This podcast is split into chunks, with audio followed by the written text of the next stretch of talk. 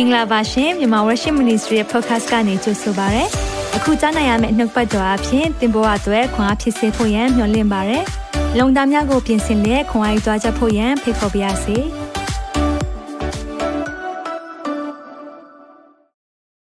တန်ရှင်သောဝိညာဉ်တော်အကြောင်းပြောတဲ့အခါမှာမပြောလို့မဖြစ်တဲ့အကြောင်းရင်းကဘာလဲဆိုတော့ဘာသာစကား tongues ဒီအကြောင်းအရာကို တချို့တွေကနားလည်ကောင်းနားလည်လိမ့်မယ်အခြားသောဘာသာစကား ရရှိထားသောသူလည်းဖြစ်ကောင်းဖြစ်လိမ့်မယ်ဒါပေမဲ့တချို့တွေကဒီအရာကိုအာနားမလည်ထားတဲ့အနေအထားရှိကောင်းရှိမယ်သိချင်တဲ့စိတ်နဲ့ဒီနေ့နားထောင်တာလည်းဖြစ်ကောင်းဖြစ်လိမ့်မယ်ဒီလိုဆိုရင်တော့သင်အပေါ်မှာဘုရားရှင်အထူးကောင်းချီးပေးပါစေဒီအရာကကျွန်တော်ကိုယ်တိုင်လည်းနားလည်မှုလွဲခဲ့တဲ့အရာဖြစ်တယ်မသိခဲ့တဲ့အရာဖြစ်တယ်ဒါမဲ့ဘုရားသိကောင်းမြတ်တယ်တမန်တရားကိုအကျွမ်းမဲ့တွင်တင်ပြတာတော့တန်ရှင်သောဝိညာဉ်တော်က ကျွန်တော်ကိုဖွင့်ပြတယ်ထုံနည်း၎င်းပဲယုံကြည်ပါတယ်ဒီညမှာနားထောင်မဲ့သူတွေအားလုံးပေါ်မှာလည်းဝိညာဉ်တော်ဘုရားကဖွင့်ပြပါစေเนาะဆိုတော့ဟုတ်ပြီဒီည topic ခေါင်းစဉ်ကတော့ four types of speaking in tongue เนาะဘာသာစကား၄မျိုးလို့ကျွန်တော်နာမည်ပေးထားတယ်ဆိုတော့ဘာသာစကားတွေ၄မျိုးဆိုတော့အခြားသောဘာသာစကားလို့ပြောတိုင်းပြောတိုင်းကျွန်တော်တို့ကတစ်ခါလေကြတော့ဘာကိုပြောတာလဲဆိုတာကိုမသိရလူအများကြီးရှိတယ်ဒါကြောင့်မလို့ကျွန်တော်လေ့လာသွားမယ်ဒါပေမဲ့ အရေးကြီးဆုံးမေးခွန်းကိုအရင်ဆုံးဖြေရအောင်เนาะအဲ့ဒီမေးခွန်းကပါလဲဘာသာစကားကွယ်ပြောက်သွားပြီလားဘာသာစကားကွယ်ပြောက်သွားပြီလားဒီမေးခွန်းကိုကျွန်တော်တို့ဖြေဖို့လိုတယ်ဘာကြောင့်လဲဆိုတော့အခြားသောဘာသာစကားနဲ့ပတ်သက်ပြီးတော့တစ်ဖွဲ့ကဒီဘာသာစကားတွေဟာကွယ်ပြောက်သွားပြီတမန်တော်ခေတ်ကာလတုန်းကပဲရှိခဲ့တယ်အခုအချိန်မှာမရှိတော့ဘူးလို့ခံယူတဲ့အဖွဲ့ရှိတယ် တဖွဲ့မှာလည်းတန်ရှင်းသောဝိညာဉ်တော်ရဲ့လောက်ရဟာမရက်သေးပဲနဲ့ဘာသာစကားတွေလည်းဆက်လက်ရှိနေသေးဖြစ်တယ်။ရွေးနှုတ်ခြင်းနေ့ရဲ့ကာလတိုင်အောင်သခင်ယေရှုနဲ့တွေ့တဲ့နေ့အထိဒီအရာတွေရှိနေအောင်မယ်လို့ခံယူတဲ့အဖွဲ့ရှိတယ်။ဆိုတော့ဒါကြောင့်မလို့သင်ကဘယ်အဖွဲ့ထဲမှာပါလဲတော့မသိဘူး။ဒီနေ့မှာနှုတ်ကပတ်တော်နဲ့လေ့လာရအောင်။ဘာသာစကားကွယ်ပြောက်သွားပြီလား။ဆိုတော့ဒီမှာကွယ်ပြောက်သွားပြီလို့ဖြေတယ်ဆိုရင်တော့ဘာကြောင့်လဲဆိုတဲ့အရာကို ပြောပြပါမယ်။ဘာကြောင့်ဒီအကြောင်းကိုပြောလဲဆိုရင်တော့တစ်ကော73အငယ်8နဲ့7ပေါ့နော်။ According to Ovarata Ovarasa ပထမဆုံးအခန်းကြီး73ကိုကျွန်တော်တို့ကဘယ်လိုခေါ်လဲဆိုတော့ The chapter of love မေတ္တာအကြောင်းရေးထားတဲ့စာပေါ့နော်။မေတ္တာမေတ္တာအကြောင်းအထူးသဖြင့်ရေးထားတဲ့အထက်မှာကျွန်တော်တို့ဒီအရာလေးကိုထည့်ထားတယ်နော်။ဆိုတော့ကျွန်တော်ဖတ်ပါမယ်။အငယ်၈ကနေမေတ္တာသည်ဖောက်ပြန်ခြင်းသဘောနဲ့အစဉ်ကင်းလွတ်၏ prophet ညံတော်၎င်းအမျိုးမျိုးသောဘာသာစကားကိုပြောနိုင်သောအခွင့်တော်၎င်းသိပ္ပံအတတ်တော်၎င်းကွယ်ပြောက်လိမ့်မည်။ဟောဆိုတော့ဒီမှာပြောထားတဲ့အမျိုးမျိုးသောဘာသာစကားကိုပြောနိုင်သောအခွင့် prophet ညံနေကွယ်ပြောက်မယ်။ဘာကြောင့်ဒီအရာကိုပြောလဲလို့ပြောတဲ့အခါမှာတန်ရှင်းသောဝိညာဉ်တော်ဘုရားဆင်းသက်တိုင်းမှာအဲ့နှစ်ခုဖြစ်တယ်။တန်ရှင်းသောဝိညာဉ်တော်ဘုရားတမန်တော်တွေပေါ်မှာဆင်းသက်တယ်။အဲ့ဒါကိုသိချင်တယ်ဆိုရင် တမန်တော်အခန်းကြီး၈အခန်းကြီး9အခန်းကြီး10နဲ့အခန်းကြီး19ဒီအကြောင်းအရာတွေကိုပြောတဲ့အခါမှာဘာတွေ့ရလဲဆိုတော့ဝိညာဉ်တော်ဗတ္တိဇံခံတိုင်းမှာအခြားသောဘာစကားပြောခြင်းရဲ့ prophet ပြုချက်ကအမြဲတမ်းတွင်တွဲပြီးရှိတဲ့အခါမှာဒီမှာပြောထားတယ် prophet ညံတော်၎င်းအမျိုးမျိုးသောဘာသာစကားကိုပြောနိုင်သောအခွင့်တော်၎င်းသိပ္ပံအတတ်တော်၎င်းကွယ်ပြောက်လိမ့်မည်ကွယ်ပြောက်ပြီလို့တော့မပြောသေးဘူးကွယ်ပြောက်လိမ့်မည်တဲ့ကွယ်ပြောက်သွားလိမ့်မယ်တဲ့ okay စပတ်ကြည့်အောင်အဲ့ဒီမှာမရက်ပါနဲ့ ဘာကြောင့်လဲဆိုတော့နှုတ်ကပတ်တော်ကိုကျွန်တော်တို့လိုရာဆွဲတွေးလို့မရပါဘူးကိုကြိုက်တဲ့အပိုင်းပဲယူလို့မရပါဘူးအရှိအနောက် context လို့ခေါ်တဲ့ဆက်ဆက်မှုရှိဖို့လိုတယ်ယခုမူကငါတို့သည်မစုံမလင်သိတတ်ကြ၏ဒီအချိန်ကကျွန်တော်တို့မစုံမလင်သိတယ်မှန်တယ်ဖះเจ้าလဲကျွန်တော်တို့အားလုံးမသိဘူးကျမ်းစာလဲအားလုံးနားမလည်ဘူးမစုံလင်သေးဘူး prophet ညံနဲ့မစုံမလင်ဟောတတ်ကြ၏ဟောပြောတယ်ဆိုရင်လဲဖះဖော်ပြချက်ချိုးရှိပေမဲ့ အားလုံးမသိဘူးတဲ့တစ်ဆယ်မှာပြောတယ်စုံလင်ခြင်းတို့ရောက်သောအခါမူကမစုံလင်သမျှတို့သည်ကွယ်ပြောက်ကြလိမ့်မည်စုံလင်ခြင်းကိုရောက်တဲ့အခါတဲ့အဲ့ဒီစကလုံးလေးမှတ်ထားပါနော်စုံလင်ခြင်းဘယ်တော့ရောက်မလဲပြန်လာခဲ့မယ်နော်စုံလင်ခြင်းငါသည်သူငယ်ဖြစ်စဉ်အခါသူငယ်လိုစကားပြော၏သူငယ်လိုစိတ်ထင်၏သူငယ်လိုကြံစီ၏အသက်ကြီးသောအခါမူကသူငယ်၏ယာများကိုငါပယ်ရှား၏ယခုတွင်ငါတို့သည်မှန်အားဖြင့် highlight လုပ်ထားပေးတယ်ရိမ့်မိလျက်သာနေကြ၏ ထိုအခါမူကားမျက်မှောက်ထင်ထင်မြင်ရကြလိမ့်မည်ယခုတွင်ငါအသိအမြင်မစုံလင်ဖြစ်၏ထိုအခါမူကားနှစ်ခုပြောနေတယ်နော်ယခုနဲ့ထိုအခါယခုနဲ့ထိုအခါယခုဆိုတာအခုချိန်ကိုပြောတာထိုအခါလို့ပြောတဲ့အခါမှာစုံလင်ခြင်းရောက်တဲ့အခါသူတပားသည်ငါ့ကိုတည်တကယ်သို့ငါသိလိမ့်မည်အဲ့နောက်ဆုံးအကြောင်းကိုဘယ်လိုပြောလဲဆိုတော့ just as God know God now knows me completely ဖယားကျွန်တော်ကိုအခုချိန်မှာသိတဲ့ကဲ့သို့အဲ့ဒီအချိန်မှာသိမယ်လို့အင်္ဂလိပ်ဘာသာပြန်မှာပြောတယ်ဟုတ်ပြီဒါဆိုရင်သိပ္ပံအတတ်တွေကွယ်ပြောက်မယ်ပြောတယ်အမျိုးမျိုးသောဘာသာစကားတွေကွယ်ပြောက်မယ် prophet ညံနဲ့ဟောတာတွေကွယ်ပြောက်မယ်ဒါပေမဲ့ဘယ်အချိန်မှာကွယ်ပြောက်မလဲဆိုတော့စုံလင်ခြင်းကိုရောက်တဲ့အခါဒါဆိုရင်စုံလင်ခြင်းကိုဘယ်အချိန်ရောက်လဲအဲ့ဒီမှာအငယ်ဆက်နှစ်မှာငါတို့ဟာတဲ့မှန်အားဖြင့်တဲ့ mirror လို့ပြောတာအခုကျွန်တော်တို့မှန်ကိုကြည့်တဲ့အခါမှာအခုမှန်တွေကတိတ်ရှင်းတယ်နော်ဆိုတော့အခုမှန်တွေကရှင်းရှင်းလင်းလင်းကိုတွေ့ရတယ်ဒါပေမဲ့လွန်ခဲ့တဲ့နှစ်ပေါင်း2000တုန်းကပေါ်လူတို့ဒီအချိန်ရေးတော့မှန်ကျွန်တော်တို့သုံးခဲ့တဲ့မှန်မဟုတ်ဘူးသူတို့ကြည့်တဲ့မှန်ကဝါတတာပဲတနည်းအားဖြင့်ပြောတာကျွန်တော်တို့သိတဲ့အရာကဘာမှရှင်းလင်းစွာမသိရသေးဘူးလို့ပြောတာဒါပေမဲ့မျက်မှောက်ထင်ထင်ထိုအခါလို့ပြောတဲ့အခါမှာဖယားကိုကျွန်တော်တို့ကမြင်တာကလေ မျက်မှောက်ထင်ထင်ဆိုတာဖယားနဲ့နဖူးတွေ့ဒူးတွေ့တွေ့တဲ့အခါစုံလင်ခြင်းရောက်တဲ့အချိန်အဲ့ဒီအချိန်ကျွန်တော်က၆သက်ပါးစကားဘာလို့ပြောမှာလဲဖယားကိုကျွန်တော်ကမျက်နှာချင်းဆိုင်တွေ့မှတော့ဒီလိုပဲပြောတော့မှာပေါ့အဲ့အချိန်မှာ prophet ပြုလိုက်အောင်မယ်ခဏနေအောင်ဘယ်လို့တော့မလဲသခင်ယေရှုနဲ့မျက်မှောက်ထင်ထင်တွေ့မှတော့ဒီအရာတွေလုံအောင်မလားဘယ်လိုတော့မှာလဲဒါကြောင့်မလို့ထိုအချိန်ထိုအချိန်စုံလင်ခြင်းလို့ပြောတာအခုချိန်ခမ ्या ကိုခန္ဓာနာတတ်သေးလားတည်သေးလားအိုလား ဒါဆိုစုံလင်ခြင်းမရောက်သေးဘူးစုံလင်ခြင်းရောက်တဲ့အချိန်ကြရင်တော့ဒီအရာတွေကိုပြောင်းမယ်မှန်တာပေါ့သိပ္ပံတက်တယ်ဘာမှမလို့တော့အဲ့အချိန်မှာသခင်နဲ့မျက်နှာချင်းဆိုင်ဒီနေ့ကျွန်တော်တို့စကားတောင်ပြောစရာမလို telepathy เนาะကျွန်တော်တို့စိတ်နဲ့တောင်ဖះနဲ့စကားပြောလို့ရမှာအကြိုင်ဖះအကုန်သိဖះဖះသိတဲ့အရာတွေလည်းကျွန်တော်တို့အများကြီးသိရပြီအဲ့ချိန်ကြရင်အကုန်လုံးကျွန်တော်တို့မျက်မှောက်ထင်ထင်မြင်တဲ့ခါမှာတဲ့ဖះကကျွန်တော်တို့အခုသိတယ်လို့ကျွန်တော်တို့ကလည်းသိမယ်တဲ့ဒါကြောင့်မလို့ ကွယ်ပြောက်သွားပြီလားအမျိုးမျိုးသောဘာသာစကားတွေ prophet ပြုခြင်းနဲ့အခုချိန်မှာကွယ်ပြောက်သွားပြီလားဆိုရင်အဖြေက no ပါမကွယ်ပြောက်သေးပါဘူးဒီအချိန်မှာဝိညာဉ်တော်မရုပ်သိမ်းတဲ့ကာလဖြစ်တယ်ဝိညာဉ်တော်ရှိတဲ့ကာလဖြစ်စေဖြစ်တာကြောင့်ခုနပြောတဲ့ဘာသာစကားကွယ်ပြောက်ပြီးလားဆိုရင်လုံးဝမကွယ်ပြောက်သေးပါဘူးဒါကြောင့်မလို့နော်ဒီရဲ့အရာလေးကိုကျွန်တော်အရင်ဆုံးရှင်းပြတာဖြစ်တယ်စုံလင်ခြင်းရောက်တာဒါကြောင့်မလို့အဆက်အဆက်နဲ့ဖတ်ဖို့လိုတယ်ကျမ်းစာကို တစ်ပိုက်လောက်ပဲယူပဲကွယ်ပြောက်လိမ့်မည်ကွယ်ပြောက်ပြီးပြီအဲ့လိုပြောလို့မရဘူးရှေ့နောက်ဖတ်ပါဒါကြောင့်ဒီအရာကိုအရင်ဆုံးပြောပြချင်ပါတယ်เนาะဒါကြောင့်မလို့ဒီခေတ်ကာလကဘာလဲဆိုရင်တော့ဝိညာဉ်တော်သွန်လောင်းတဲ့ကာလဖြစ်တယ်။ဂျမ်ပိုက်တစ်ပိုက်ကိုကြည်ရအောင် prophet ပြုချက်ရှိတယ်။ယောလအနှစ်28 29ထို့နောက်မှလူမျိုးတကာတို့အပေါ်သို့ငါ၏ဝိညာဉ်တော်ငါသွန်လောင်းပြီ။သင်ဤသင်တို့ဤသားသမီးတို့သည် prophet ညံနဲ့ဟောပြောရကြလိမ့်မည်။အသက်ကြီးသောသူတို့သည်နမိတ်အိမ်မက်တို့ကိုမြင်ရကြလိမ့်မည်။အသက်ငယ်သောသူတို့သည်လည်းဗျာဒိတ်ယူပါယုံတို့ကို မြင်ကြလိမ့်မည်။ငါဤမှုကိုဆောင်ရွက်သောယောက်ျားမိန်းမနှမျိုးလုံးပါတယ်နော်ငါဤမှုကိုဆောင်ရွက်သောယောက်ျားမိန်းမတို့အပေါ်သို့ငါဤဝိညာဉ်တော်ကိုငါသွန်လောင်း၍သူတို့သည် prophet ညံနဲ့ဟောပြောရကြလိမ့်မည်။နော်ဒါကြောင့်မလို့ဒီနှုတ်ကပတ်တော်ယောလနဲ့28တချို့ပြောတယ်ဒီအရာကတမန်တော်နှစ်မှာပြည့်စုံသွားပြီ။ရှင်ပေတရုတရားဟောတဲ့အခါမှာဒီကျမ်းပိုက်ကိုသုံးတာမဟုတ်ဘူးလား။ မှန်တယ်အဲ့ကျမ်းပိုက်ကိုသုံးတဲ့အပြင်ကိုဘာထပ်ပြောသွားလဲဆိုတော့တမန်တော်နှစ်ထဲမှာအောက်ပိုင်းပြီးတဲ့ဒီဖတ်ပါအောင်နော်ဆိုတော့39မှာဘာထပ်ပြောလဲဆိုတော့တမန်တော်နှစ်39မှာထိုသူတို့ဒီကြားရရင်သူဖြစ်လိမ့်မယ်နော်အဲ့မှာ typing error ဖြစ်နေတယ်ထိုသူတို့ဒီကြားရလဲစိတ်နှလုံးပူပန်ခြင်းရှိ၍ညီကိုတို့ဒီအကြောင်းကဘာလဲဆိုတော့ပေကျူးကတရားဟောတဲ့အခါမှာသူတို့ကသူတို့မသူတို့ရဲ့ဘာသာစကားပေါ့အဲ့ဒီအချိန်မှာပင်တေကုတ်တွေပွဲအတွက် အနေနဲ့အရက်ရက်ကလူတွေကလာကြတာဆိုတော့လာတော့ပြောမယ်ဆိုရင်စကားမတူကြအောင် Aramic เนาะမပြောကြအောင်ဆိုတော့အဲ့ဒီအချိန်မှာဟိုเนาะသူတို့ပြောတဲ့စကားသူတို့ရဲ့နေခံစကားတွေသူတို့သူတို့နိုင်ငံစကားတွေဒါပေမဲ့အဲ့ဒီနေ့မှာ120တော့တပည့်တော်တွေအပေါ်မှာတန်ရှင်းသောဝိညာဉ်တော်ဆင်းသက်တဲ့ခါမှာ tongue other tongue ဆိုတာတခြားဘာသာစကားတွေပြောလာတာဒီနေရာမှာတခုကြားဖြတ်ပြီးရှင်းပြပါရစေအ ခြားသောဘာသာစကားလို့ပြောတဲ့အခါမှာဘာမဟုတ်ဘူးလဲဆိုရင်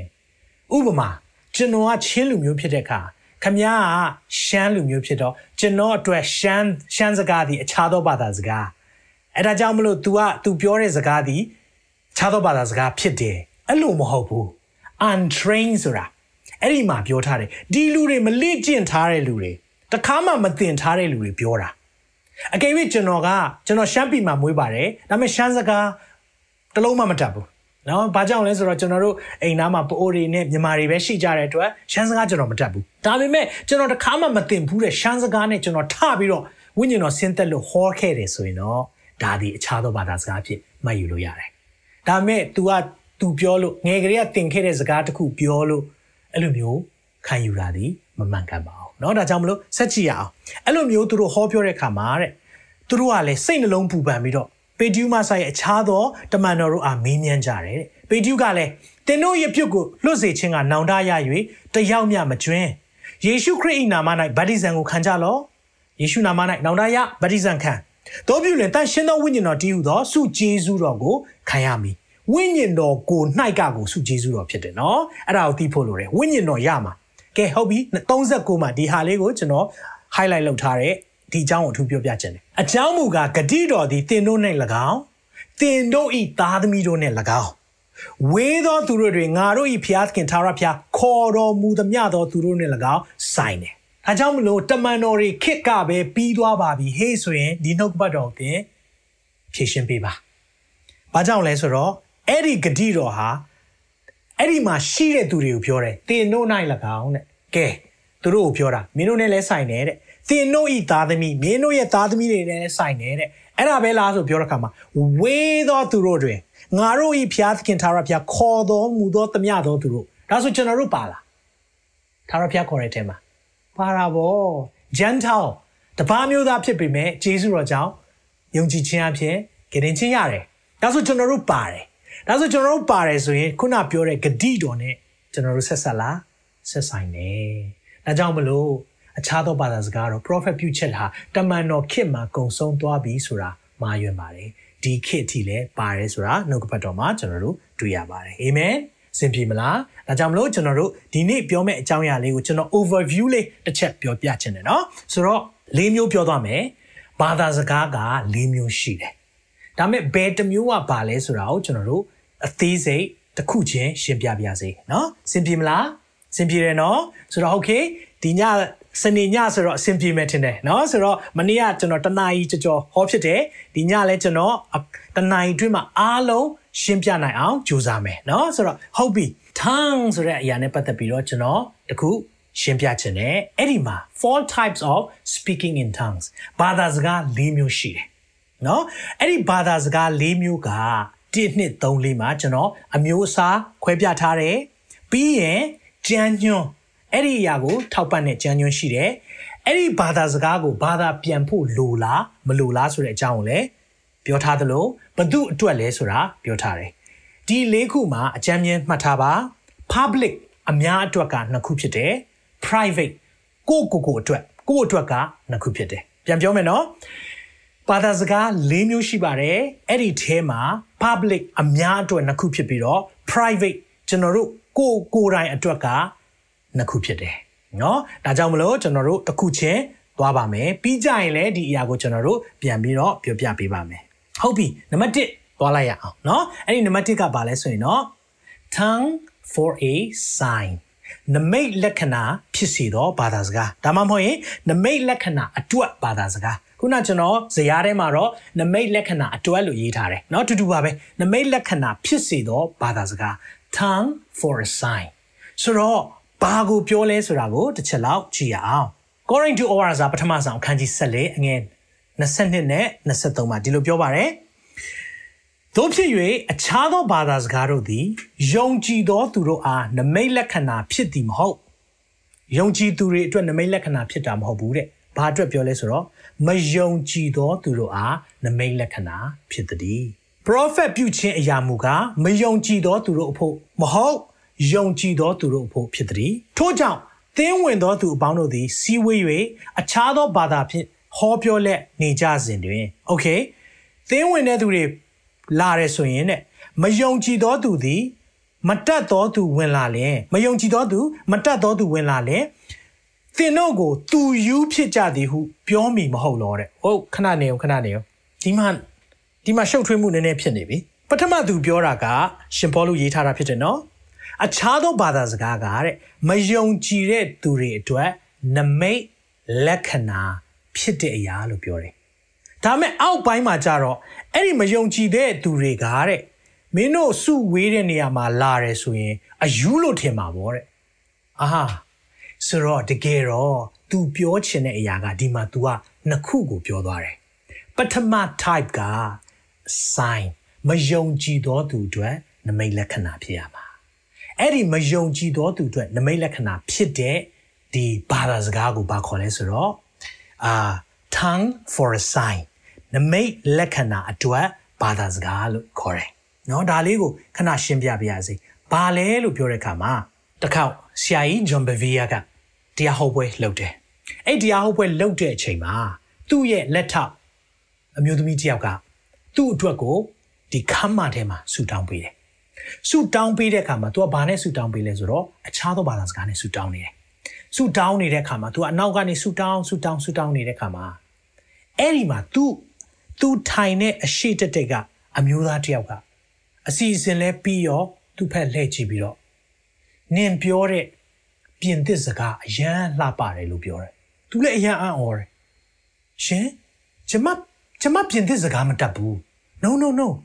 နင်ခုနတော့ကလေ ငါနင့်ရှိမှထိုင်နေတာနင့်အနောက်ကနေလေပြင်သစ်စကားတော့မှပြင်သစ်စကားယူယူခုခေတ်ပေါ်မဟုတ်ဘူးတကယ်ခေတ်ဟောင်းပြင်သစ်စကားကို accent ဆိုတာလေယူလေသိန်းလှလှပပနဲ့ပြောသွားတယ်လို့ပြောတယ်အဲ့ဒီအချိန်မှာ तू အံ့ဩတယ်ထူးခြားတာပြောအောင်မယ်တဲ့ဆရာဟောမဲ့ဆရာပြောတော့မဲ့ဂျမ်ပိုက်ကို तू မပြောခင်မှာနင်ကအရင်ပြောတယ်နင်အရင်ပြောတာနဲ့ तू ကလည်းဟိုမှာပြောတယ် ဒါပါလေဒီလား tongue for a sign မယုံကြည်တဲ့သူတွေအတွက်နမိတ်လက္ခဏာဖြစ်သွားတာဒါကိုနားလည်ဖို့လိုတယ်နော် तू ပြောနေတာပဲဒါပေမဲ့ तू ကိုယ်တိုင်လည်း तू မသိဘူးဒါပေမဲ့ကြားနာတဲ့သူတွေအတွက်ဘာသာပြန်ပေးစရာမလိုနားလဲတယ်ဒါကိုကျွန်တော်တို့သဘောပေါက်ပါနော်အဲကြောင့်မလို့ဘယ်အမျိုးအစားကိုပြောနေတာလဲမသိဘူးဆိုရင်တပိုက်ထဲမှာပဲတခန်းထဲမှာပဲ ရှင်ပေါလုကအဲ့ဒီအရာတွေကိုရောပြီးတော့ရေးပေးလိုက်တဲ့အခါမှာကျွန်တော်တို့သေချာမလေ့လာဘူးဆိုရင်ဒီအရာရှုပ်ထွေးမှုဖြစ်စေတယ်နော်ဒါကြောင့်မလို့ဒီခံပြီးနားထောင်ပေးပါအရန်ရေးကြည့်တဲ့အရာဖြစ်တယ်ဒါကြောင့်ဒီနေရာမှာနောက်ကြမ်းပိုက်တစ်ခုကိုကျွန်တော်ဖတ်ပြချင်ပါတယ်ဒီရဲ့ tongue for a sign ကဘယ်အချိန်မှာပေါ်သွားတဲ့အရာလဲဆိုရင်တမန်တော်နှစ်တုန်းကမမီသေးလား120သောတပည့်တော်တွေအပေါ်မှာတန်ရှင်းသောဝိညာဉ်တော်ဖျားဆင်းသက်တယ် ဆင်းသက်တဲ့အချိန်မှာသူတို့ကဘာနဲ့ဟောပြောလဲဆိုတာအခြားသောဘာသာစကားတွေအမျိုးမျိုးသောဘာသာစကားနဲ့ဟောပြောတဲ့အခါမှာသူတို့ကမတင်ထားဘူးနော်တခါမှသူတို့တင်ထားခြင်းမရှိဘူးရှင်းရှင်းပြောမယ်ဆိုသူတို့လည်းဘာပြောမှန်းသူတို့မသိဘူးသို့တော့အဲ့ဒီမှာလူအပေါင်းတို့သည်တမန်တော်နှစ်အငယ်9မှာလူအပေါင်းတို့သည် အံ့ဩမိန်ဝေါတွေ့ဝေလျက်ရှိ၍ယခုဟောပြောသောသူအပေါင်းတို့သည်ဂါလိလဲလူဖြစ်ကြသည်မဟုတ်လောဂါလိလီယန်ဆိုတာသူတို့ကဂါလိလဲလူဆိုရင်သူတို့အယမ်းနှိမ်တယ်တငါသေးတွေနော်ပညာရေးမှနှိမ်ကြသောသူတွေတနည်းအားဖြင့်ပြောမယ်ဆိုရင်အာအောက်ခြေသိမ်းအလုတ်လုတ်တဲ့သူတွေလို့သူတို့ကသတ်မှတ်ထားတာဒါပေမဲ့သူတို့သိအံ့ဩတာကအဲ့ဒီအချိန်မှာသူတို့ဟောပြောတဲ့အခါမှာ သူတို့ကြားတော့ဂါလိလဲလေသန်းဆိုတာသူတို့ကသိတယ်ဒါပေမဲ့သူတို့ဟောပြောတဲ့အခါမှာငါတို့ပြောနေတဲ့ဘာသာစကားအဲ့မှာအငယ်ရှစ်မှာသူပြောတယ်သို့ဟုတ်လေငါတို့ဒီအသီးသီးမွေးဖွားရာဌာနဤဘာသာစကားများကိုကြားရသည်ကအဘယ်သို့နည်းနားမလည်နိုင်ဘလို့ဖြစ်တာလဲငါတို့မွေးရဲ့စကားကိုဘာကြောင့်သူတို့ပြောတာလဲဒီလူတွေဂါလိလဲလူမဟုတ်ဘူးလားဘာကြောင့်လဲ tongue for a sign နမိတ်လက္ခဏာအတွက် ဘာသာစကားကိုသူတို့ပြောတာအဲ့ဒါနံပါတ်1အမျိုးအစားဖြစ်တယ်ဒီအရောင်နားလဲပါနော်ဒီနံပါတ်1အမျိုးအစားကိုကျွန်တော်တို့ကသိဖို့ဖြစ်တယ်ဒါကြောင့်မလို့ tongue for a sign နမိတ်လက္ခဏာအတွက်ဘာသာစကားဖြစ်တဲ့အတွက်စကားပြန်လို့လား interpreter လို့လားဘာသာပြန်လို့လားဆိုရင်မလို့ပါဘူးဘာလို့မလို့လဲဆိုတော့ကြားနာတဲ့သူတွေကနားလဲတယ် ကြားနာတဲ့သူတွေကနားလဲတယ်ပြန်ပြောမယ်နော်ကြားတဲ့သူတွေကနားလဲလို့မိန်မောတွေ့ဝေတယ်တဲ့ဒီမှာပြောထားတယ်တမန်တော်နှစ်မှာဆင်းသက်သွားတဲ့တန်ရှင်သောဝိညာဉ်တော်ရဲ့ဘာသာစကားကဘာဘာသာစကားအမျိုးစားလဲဆိုတော့ခုနကျွန်တော်၄မျိုးထက်ကနံပါတ်1ဖြစ်တဲ့ tongue for a sign နမိတ်လက္ခဏာဖြစ်စီသောဒါမှမဟုတ်ရင်နမိတ်လက္ခဏာအတွက်ဘာသာစကားဖြစ်တယ်အဲ့ဒါကဘသူအတွက်လဲဆိုတာပြောပြမယ် public အတွက်ဖြစ်တယ် public အတွက်လူအများအတွက်ဖြစ်တယ် အဲ့ဒါလေးကိုသိချမှတ်ထားပါနော် public အတွက်ဖြစ်တယ်သူတို့ကဖျားကိုပြောတာမဟုတ်ဘဲနဲ့လူတွေအတွက်ပြောတဲ့စကားဖြစ်တယ်ဒါကိုနံပါတ်1အမျိုးအစားဖြစ်တယ်အဆင်ပြေမလားပြီးရင်ကျွန်တော်တို့ပြန်ပြီးတော့ overview ပြန်လုပ်သွားမယ်နော် okay ဒါဆိုရင်ဒါနံပါတ်1အမျိုးအစားဖြစ်တယ်ဟုတ်ပြီနောက်နံပါတ်2အမျိုးအစားသွားမယ်နော်နံပါတ်2အမျိုးအစားဒါကဘာလဲဆိုတော့အမှုဆောင်ခြင်းအတွက်ဘာသာစကားနဲ့အနက်ပြန်နိုင်ခြင်း နော်ဒီနှစ်ခုအမြဲတမ်းတွဲလေးရှိတယ်အမှုဆောင်ခြင်းအတွက်ဘာသာစကားနဲ့အနက်ပြန်နိုင်ခြင်းဆိုတော့ ministerial tongues and tongues with interpretation ministry လုပ်တဲ့အခါမှာသုံးတာကဲအမှုဆောင်ခြင်းအတွက်ဘာသာစကားနဲ့အနက်ပြန်နိုင်ခြင်းဟာနံပါတ်1အမျိုးအစားဖြစ်တယ်ဆိုတော့ဒီနံပါတ်1အမျိုးအစားကိုကျမ်းစာထဲမှာဘယ်နေရာမှာတွေ့ရလဲဆိုရင်တော့တစ်ကောစနစ်ထဲမှာဒီအကြောင်းအရာကိုပြောတယ်เนาะဆိုတော့အသင်းတော်မှာဘယ်သူတွေပါလဲဆိုရင်ဆိုတာဒီအရာကို ဝိညာဉ်စုဂျေစုနဲ့ခွဲခန့်မှတ်သားခြင်းထဲမှာတွေ့ရတယ်။နောက်ဖတ်ကြည့်အောင်တိကောစနစ်28ကနေကျွန်တော်ဖတ်ပါမယ်။ဘုရားသခင်သည်ပထမအရာ၌တမန်တော်နော်တမန်တော်ဒုတိယအရာ၌ပရောဖက်တတိယအရာ၌ဆရာတို့ကို၎င်းထို့နောက်တကိုးပြသောသူတို့ကို၎င်းထို့နောက်အနာရောဂါငြိမ်းစေနိုင်သောအခွင့်ရှိသောသူတို့ကို၎င်းသင်းထောက်တို့ကို၎င်းစီရင်အုပ်ဆိုးသောသူတို့ administrator တွေနော် admin တွေတို့ကို၎င်းအမျိုးမျိုးသောဘာသာစကားကိုပြောနိုင်သောသူတို့ကို၎င်း အဲ့ဒီမှာသုံးသွားတယ်အမျိုးမျိုးသောဘာသာစကားဆိုတာနံပါတ်1မျိုးစားဖြစ်တယ်နံပါတ်1နဲ့မရောပါနဲ့နံပါတ်2ဘာလို့လဲဆိုတော့အနက်ပြန်ခြင်းလိုအပ်တယ်ဘယ်လိုသိတာလဲအောက်မှာဆက်ဖတ်ကြည့်အောင်အသင်းတော်၌ခံထားတော်မူ29သင်းဝင်သူရှိသမျှတို့သည်တမန်တော်ဖြစ်ကြသလောဒါဆိုရင်အားလုံးကတမန်တော်လားမဟုတ်ဘူးရှိသမျှတို့သည် prophet ဖြစ်လားလူအားလုံး prophet လား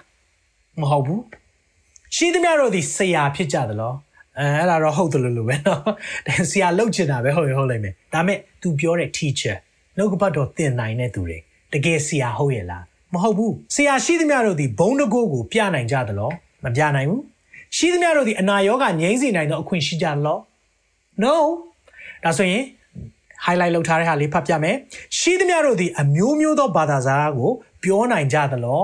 the answer is no မပြောနိုင်ဘူးရှိသမျှတို့သည်ထိုဘာသာစကားအနက်ကိုပေါ်ပြနိုင်ကြသလော no မပြနိုင်ဒါကဘာသာစကားပြောခြင်းနဲ့အနက်ပြန်ခြင်းဒီအရာကသိရကြည့်ပါတယ်เนาะဒါကြောင့်ကြားနာသူတွေအတွက်ဘာသာပြန်ပေးဖို့လိုသလားဆိုရင် the answer is yes ဘာသာပြန်ဖို့လိုတယ်။ဘာကြောင့်ဘာသာပြန်ပြန်ဖို့လိုလဲဆိုတာပြောပြမယ်။ဘာသာပြန်တာမပါဘူးဆိုရင်တဲ့ ခုနကျွန်တော်တို့ဖတ်ခဲ့တဲ့နှုတ်ပတ်တော်မှာဗာပြောလဲဆိုတော့အငယ်23မှာထို့ကြောင့်သင်းဝင်တော်သူပေါင်းတို့စုဝေးတယ်။နင်တို့အစည်းအဝေးလုပ်တဲ့ခါမှာမယုံကြည်သောသူမတတ်တဲ့သူဝင်လာမယ်ဆိုရင်တဲ့သင်တို့ကိုအယူလို့ထင်မှာပေါ့တဲ့။မှန်တာပေါ့။ဒီနမတ်နှစ်အမျိုးအစားအခြားသောဘာသာစကားပြောပြီးဆိုရင်ဘာသာပြန်ရပါတယ်။အဲ့ဒီအရာဒီအမျိုးအစားကစုဂျေစုဖြစ်တယ်။နောက်ခုနပြောတဲ့တမန်တော်တို့ဆရာအရာတို့သင်ထောက်တို့ administrator တို့စုဂျေစုဖြစ်တဲ့အတွက်လူတိုင်းမရပါဘူး။ဒါပေမဲ့ရတဲ့သူလည်းရှိဘူးပါတယ်။ရတဲ့သူလည်းကြားဘူးပါတယ်။ဒါကိုကျွန်တော်တို့နားလည်ဖို့ဖြစ်တယ်နော်။ဒါကြောင့်မလို့ဒီအရာက heavenly language လို့လည်းခေါ်တယ်။ကောင်းကင်ဘာသာစကားဒီတစ်ခုကကောင်းကင်နဲ့ဆက်ဆိုင်တဲ့အရာဖြစ်တယ်။အားလုံးကကောင်းကင်နဲ့ဆိုင်ပါတယ်။ဒါပေမဲ့ဒီတစ်ခုကြတော့စုဂျေဇုနဲ့ရတဲ့အရာနော်။ဒါကြောင့်မလို့ tongue for အမှုဆောင်ခြင်းဆိုင်ရာ ဘာသာစကားဆိုတော့ဒီအရာပြောပြီးဟေးဆိုရင်ထူးခြားတယ်အသင်းတော်မှာလေဒီဆောင်မှုရှိတယ်အသင်းတော်မှာတကယ်ဒီဆောင်မှုရှိတယ်ကျွန်တော်တို့တစ်ခေါက်ကြုံဘူးပါတယ်ဒါလက်တလောပဲဖြစ်ပါတယ်အဲ့ဒီတစ်ခေါက်ကကျွန်တော်တို့အသင်းတော်မိသားစုများဗုဒ္ဓဟူးနေ့မနေ့ဆူတောင်းတဲ့အစီအစဉ်ဖြစ်ပါတယ်အဲ့ဒီအစီအစဉ်မှာကျွန်တော်တို့တွေဆူတောင်းကြတဲ့အခါမှာဖခင်ရဲ့တန်ရှင်တော်ဝိညာဉ်တော်ဖခင်ဆင်းလာတာကို ဆင်းသက်တယ်ကျွန်တော်တို့ဘက်မှာတက်ရောက်တာကိုကျွန်တော်တို့သိတယ်အဲ့ဒီအချိန်မှာကျွန်တော်တို့အခြားသောဘာသာစကားတွေပြောကြတယ်ပြောတဲ့အခါမှာကျွန်တော်နှုတ်ကနေထူးခြားသောဘာသာစကားတစ်ခုထွက်တယ်ကျွန်တော်သိထားတဲ့အရင်ကြားဖူးနေကြအတန်မျိုးတော့မဟုတ်ဘူးကြားဖူးနေကြဆိုသူများဟာကိုလိုက်ပြောတာမဟုတ်ဘူးเนาะကိုယ့်ကိုဖះပေးထားတဲ့အရာကိုပြောတာဒါပေမဲ့အဲ့ဒီဟာကအဲ့ဒီနေ့မှာထူးခြားပြီးတော့တခါမှပြောလို့မရကျွန်တော်နှုတ်ရှာကမီးရှာခဲ့သူပဲပါဇက်ကလည်းရက်လို့မရဘူးပြောနေတာပြောနေတာ ဟာဒါအဲ့နေ့ကကျွန်တော်စက်တိုက်ကိုပြောနေတဲ့အချိန်မှာထူးခြားဖို့တခုတွေ့တယ်ဘာဖြစ်သွားလဲဆိုတော့အဲ့ဒီနေ့မှာပဲကျွန်တော်အမျိုးသမီးကအဲ့ဒီရဲ့ဘာပြောလဲဆိုတာကိုအနက်ပြန်ချင်းခွင့်ဖះချက်ချင်းပေးတယ်ပြီးတော့ဘာအတွက်ဆူတောင်းဖို့ပြောလဲဆိုတော့ဒီမြို့ရဲ့ဒီဒီမြို့ရဲ့အစိုးရမင်းတွေမှာအာဂတိလိုက်စားမှုတွေအယမ်းများတဲ့အကြောင်းကိုပြောလာတယ်။လောင်းကစားမှုတွေအကြောင်းကိုဖြိုဖျက်ဖို့အကြောင်းပြောလာပြီးတော့ဝိညာဉ်နယ်ပယ်ထဲမှာ တိမ်လေထုတွေရှင်းဖို့အကြောင်းတွေအဲ့ဒီဟာတွေကို तू ကပြောနေတယ်။ तू ဘာမြင်လဲဆိုတော့အဲ့ဒီအချိန်မှာမြင်းစီးပြီးတော့အများကြီးစစ်အုပ်စုပေါ့နော်ကောင်းကင်ဘိုးချီတွေလာနေတာကိုမြင်တယ်။လာနေတာကို तू မြင်တယ်။အဲ့ဒီအရာကို तू ချစ်ချင်းပြောတယ်။အမြဲတမ်းဖြစ်လားမဖြစ်ဘူး။တအားရှားတယ်ဖြစ်တဲ့အချိန်ဒါပေမဲ့ဖြစ်ပြီဆိုရင်လည်းသိတယ်အဲ့ဒီပြောလိုက်တဲ့ဘာသာစကားနဲ့အဲ့ဒီနောက်ွယ်မှာ ဘာသာပြန်ချင်းချက်ချင်းလိုက်တယ်ဒါကြောင့်မလို့ကျွန်တော်နားလဲစေချင်တယ်ဒီအမျိုးအစားဆိုရင်တော့ဘာသာပြန်ချင်းလိုအပ်ပါတယ်အဲ့ဒါမျိုးမဟုတ်ဘူးဘာသာပြန်ချင်းမရှိဘူးဆိုရင်တော့အဲ့ဒီဥစ္စာကိုမပြောဘူးရှင်ဘောလူကအများနဲ့ရှိတဲ့ချိန်မှာမပြောဖို့သူကတားထားတာဖြစ်တယ်အယူလို့ထင်လိုက်မယ်မင်းတို့ပြောချင်တာတွေပြောပြီးတော့မင်းတို့ဖြစ်ချင်တာတွေဖြစ်ရင်သူများနားမလဲတဲ့သူလာရင်ဩခုနကျတော့ तू ပြောတာကနားမလဲတဲ့သူဘာသာခြားတွေအတွက်နမိတ်လက္ခဏာလည်းပြောသေးတယ် ပြီးကြတော့နားမလဲတဲ့သူတွေအတွက်အယူဖြစ်မယ်အဲ့နှစ်ခုကဆန့်ကျင်ဘက်မဖြစ်နေဘူးလားဖြစ်တာပေါ့ဘာကြောင့်ဖြစ်လဲဆိုတော့အမျိုးအစားမတူတဲ့နှစ်ခုသူပြောထားလို့အရှိနဲ့အနောက်မှာအငယ်20နဲ့23မှာနှစ်ခုအပေါ်အောက်မှာတင်ကိုအမျိုးအစားမတူတဲ့နှစ်ခုကိုပြောလိုက်တဲ့အခါမှာကျွန်တော်တို့အတွက်ရှုပ်ထွေးမှုတွေဖြစ်သွားတာဒါပေမဲ့တေချာလေ့လာတဲ့အခါမှာအခြားသောဘာသာစကားဟာယုံကြည်သူအတွက်နမိတ်လက္ခဏာမဟုတ်ဘူးတဲ့မယုံကြည်သောသူအတွက်နမိတ်လက္ခဏာတဲ့ ဒါပေမဲ့တစ်ချိန်တည်းမှာပဲမယုံကြည်သူဟာသင်တို့ရှိကိုလာပြီးဖျားရှိခိုးရင်အယူထင်မယ်တဲ့ဒါဆိုမပြောရဘူးလားနမိတ်လက္ခဏာကြဖြစ်ဖို့ကြတော့ပြောဖို့လို့ဘာကြီးလဲအမျိုးအစားမတူတာအဲကြောင့်နံပါတ်1အမျိုးအစားသည် tongue is for a sign နမိတ်လက္ခဏာအတွက်ဘာသာစကားဖြစ်တယ်လို့ဒုတိယအမျိုးအစားသည် ministerial ministerial tongues လို့ခေါ်တယ်အမှုဆောင်ခြင်းအတွက် ဘာသာစကားเนาะဒါလေးကိုကျွန်တော်ပြန်ပြီးထိုးပေးမယ်အမှုဆောင်ခြင်းအတွက်ဘာသာစကားနဲ့အနက်ပြန်ခြင်းဒီနှုတ်ဒီရဲ့ဘာသာစကားဆိုရင်တော့အမြဲတမ်းအနက်ပြန်ဖို့လိုအပ်ပါသလားလိုအပ်ပါတယ်ဘာသာပြန်မရှိရင်မပြောရဘူးလားမပြောရပါဘူးဒါပေမဲ့ဘာသာပြန်ရှိတယ်အမြဲတမ်းလဲကြုံတတ်တယ်ဒါပေမဲ့ဒီစကားပြောပြီးဟေ့ဆိုရင်ထူခြားမှုရှိတာကိုခံစားရတယ်ဒါပေမဲ့ကျွန်တော်တို့ကဘယ်တစ်ခုပြောမယ်လုံးလို့မရဘူးဒါဆုကျေးဇူးဖြစ်တယ်တန်ရှင်းသောဝိညာဉ်တော်ကသူ့ အလိုဆန္ဒရှိသည့်တိုင်ပေးတာဖြစ်တယ်အဲကြောင့်မလို့အေးဒီနေ့တော့ငါနံပါတ်1ပြောမယ်ဒီနေ့တော့ငါနံပါတ်1ပြောမယ်အဲ့လိုပြောလို့မရဘူးဒါဆိုရင်ကျွန်တော်တို့ကတန်ရှင်းသောဝိညာဉ်တော်ကိုပေါင်ခတ်တာနဲ့အတူတူပဲအဲ့လိုလုပ်လို့မရဘူးဖះတဲ့ကျွန်တော်တို့တလကြီးလို့မရဘူးဒါပေမဲ့ဘယ်တစ်ခုဖြစ်တယ်လဲဆိုတဲ့အရာကိုကျွန်တော်တို့ကောင်းကောင်းလေးဒီနားလည်ဖို့လိုအပ်ပါတယ်အာမင်ဒါကြောင့်မလို့ကောင်းကင်မှာဘာသာစကားတွေရှိလားရှိတာပေါ့နှစ်နေရာမှာကျွန်တော်တို့အတိလင်းပြောထားတယ်ဗျာဒိတ်ထဲမှာ16မှာ ငွေ20နဲ့မျက်စိတော်သည်မိလျံကဲ့သို့ဖြစ်တယ်ဘယ်လိုပြောတာလဲဆိုတော့သခင်ယေရှုဖျားကိုပြောတာဖြစ်တယ်ခေါင်းတော်ပေါ်မှာတရဖူများကိုစောင်းဤကိုယ်တိုင်မှတပါအဘယ်သူမှမသိတော့နာမတော်သည်ရေးထားလဲရှိတယ်ကြည့်ဘသူမှမသိတဲ့နာမည်ရှိသေးတယ်တဲ့ဒါဆိုသူတို့မသိတဲ့စကားရှိသေးတယ်အဲ့နာမည်နဲ့ရေးထားတဲ့စကားရှိသေးတယ်ဒါပဲလားမဟုတ်ဘူးနောက်တနေရာမှာလည်းပြောထားသေးတယ်ဗျာဒိတ်နှစ်ဆက်ခွန်မှာ ဝိညာဉ်တော်သည်အသင်းတော်တို့ကအဘယ်သို့မိန်တော်မူသည်ကိုနားရှိသောသူမိဒီကကြားပါစေအကျဉ်သူသည်အောင်မြင်၏ဝတ်ထားသောမာနကို၎င်းကြောက်ဖြူလက်ဖွဲ့ဖះကကျွန်တော်တို့ကိုတနေ့မှာ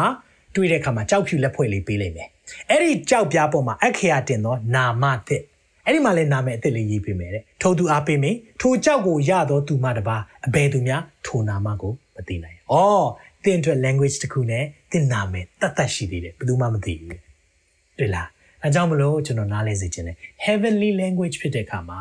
ဒီအရာကိုအတူအပလုပ်ရင်အာမင်္ဂလာရှိတယ်။ဟိုတယောက်ကပြောလို့လိုက်ပြောတယ်အာမင်္ဂလာရှိတယ်။အဲ့လိုမဟုတ်ဘူး။တန်ရှင်သောဝိညာဉ်တော်အတူအယောင်မလုပ်ဘူး။အဲ့ဒါကိုနားလဲစေချင်တယ်။အတင်းအကျပ်လုပ်လို့လည်းမရဘူး။ဒါကိုလည်းသိစေချင်တယ်။တချို့လူတွေရဲ့လောက်ရက်တွေကြောင့်မလို့တန်ရှင်သောဝိညာဉ်တော်နာမည်ပြက်ပေါင်းများနေပြီ။ဒါမျိုးမလုပ်ပါနဲ့။ဘာကြောင့်လဲဆိုတော့တင့်ပေါ်မှာအမင်္ဂလာရှိတယ်။ ဂျာဖူနာဝနဲ့ကျွန်တော်တို့ကလိုက်လောက်တတ်တယ်။တယောက်အသင်းတော်တစ်ခုကပြောတဲ့ပုံစံနောက်နောက်တစ်ခုနဲ့ကနည်းနည်းကွာတယ်။အဲ့အသင်းတော်အဲမှာဆိုရင်ပုံစံတွေကတူနေတယ်။တကယ်စစ်မှန်တဲ့အရာလားဆိုတာစမ်းစစ်ဖို့လိုတယ်။အာမင်။ဟုတ်ပြီဒါဆိုရင်ကျွန်တော်တို့ကြည့်ရအောင်။အဆင်ပြေကြလား။ heavy ဖြစ်တယ်နော်။ဒါကြောင့်မလို့ကျွန်တော်ကြိုတင်ပြီးပြောထားတာဖြစ်တယ်။ဒီ subject ကနည်းနည်းလေးနားလည်ရခက်တယ်။ဒါကြောင့်မလို့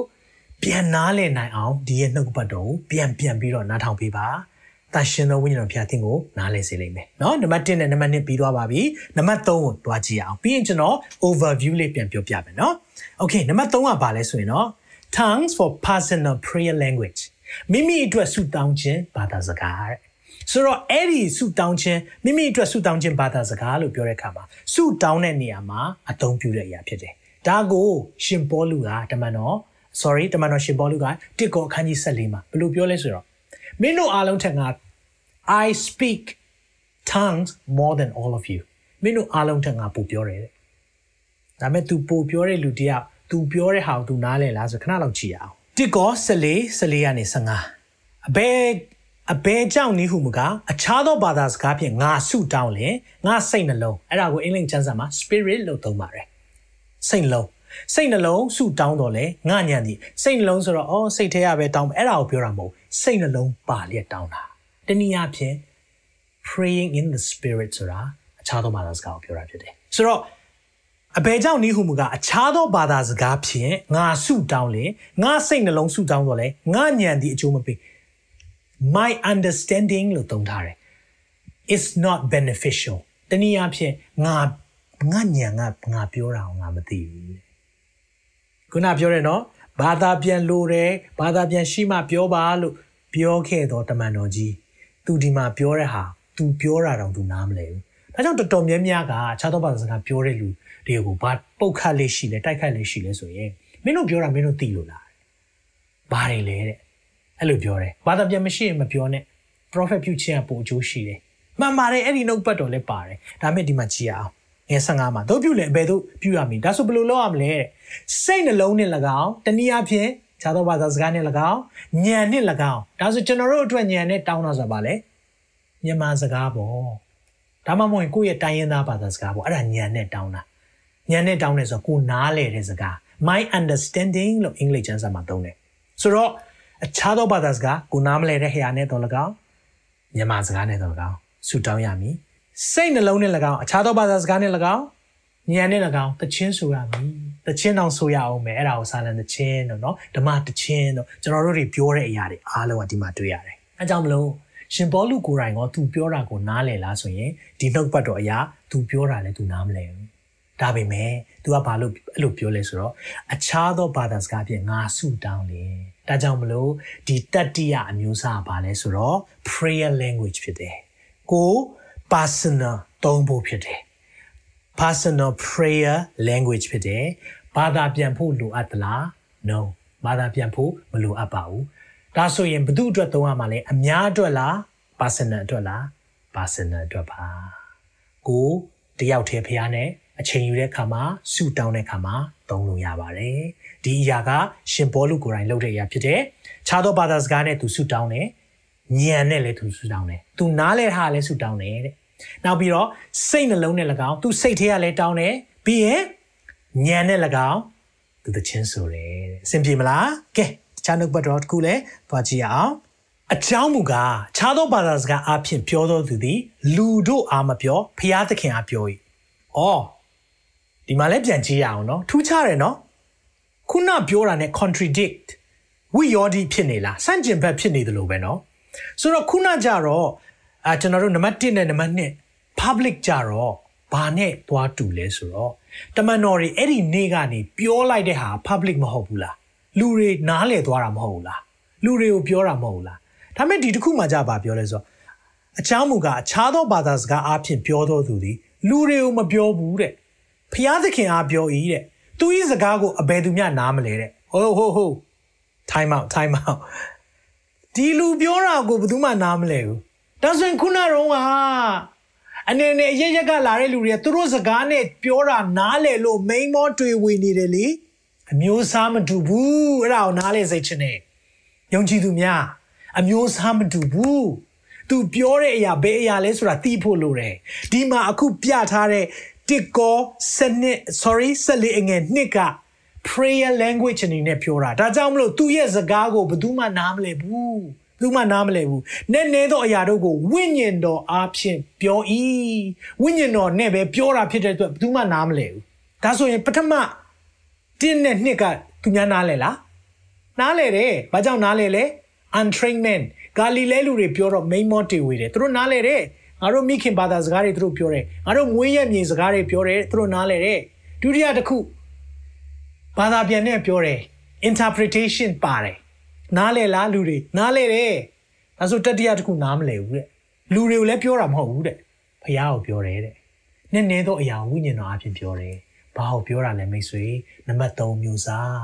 personal prayer language အာသထံကိုပြောတာဖြစ်တယ်ဒီအရာကိုခွဲခွဲခြားခြားသိရင်လေအရန်ရှင်းတယ်ဘယ်အရာကဘယ်ဟာဖြစ်နေလဲဆိုတာကိုကျွန်တော်တို့ဖះဝိညာဉ်တော်ကပဲသ င်ကိုနားလည်ဖို့မစားပါစေအာမင်အကြောင်းဒီအရာလေးကိုနားလည်စေခြင်းတယ်အဆင်ပြေမလားသုံးမျိုးရှိသွားပြီเนาะโอเคနောက်ပတ်တော့နောက်တစ်ခုကြည့်အောင်ယူရထဲမှာဩဝါဒစာနော်တခမ်းပဲရှိပါတယ်အငယ်20မှာချစ်သူတို့သင်တို့သည်မိမိတို့အလွန်တန့်ရှင်းသောအလွန်တန့်ရှင်းသောယုံကြည်ခြင်းအပေါ်မှာကိုယ့်ရဲ့တန့်ရှင်းတဲ့ယုံကြည်ခြင်းပေါ်မှာမိမိတို့တည်ဆောက်လျက်အာအင်္ဂလိပ်ကျမ်းစာမှာဆိုရင် building yourself up in the most holy faith တန့်ရှင်းသောယုံကြည်ခြင်းပေါ်မှာတည်ဆောက်တယ်ဒီအဓိပ္ပာယ်ပါပဲเนาะကိုကိုကိုတည်ဆောက်မှုပေးတယ်တဲ့တည်ဆောက်လျက်တန့်ရှင်းသောဝိညာဉ်တော်အပြင်ဆုတောင်းပတနာပြုလျက်အင်္ဂလိပ်ကျမ်းစာမှာ praying in the holy spirit လို့ပြောတယ်ဘာကိုပြောတာလဲ prayer language other tongue နဲ့ဆုတောင်းတာကိုပြောတာအဲ့ဒါနဲ့ဆုတောင်းခြင်းဟာဘာဖြစ်စီလဲသိလားသင်ရဲ့အလွန်တန့်ရှင်းတဲ့ယုံကြည်ခြင်းပေါ်မှာတည်ဆောက်မှုဖြစ်စေတယ် တင့်ကိုတင်တည်ဆောက်မှုဖြစ်စေတယ်။ဒါကြောင့်မလို့အခြားသောဘာသာစကားပြောဖို့လိုလားလိုပါတယ်။ဆုတောင်းတိုင်းပြောဖို့လိုလားလိုပါတယ်။တခြင်းဆိုတိုင်းရောပြောဖို့လိုလားကျမ်းစာအရတော့လိုတယ်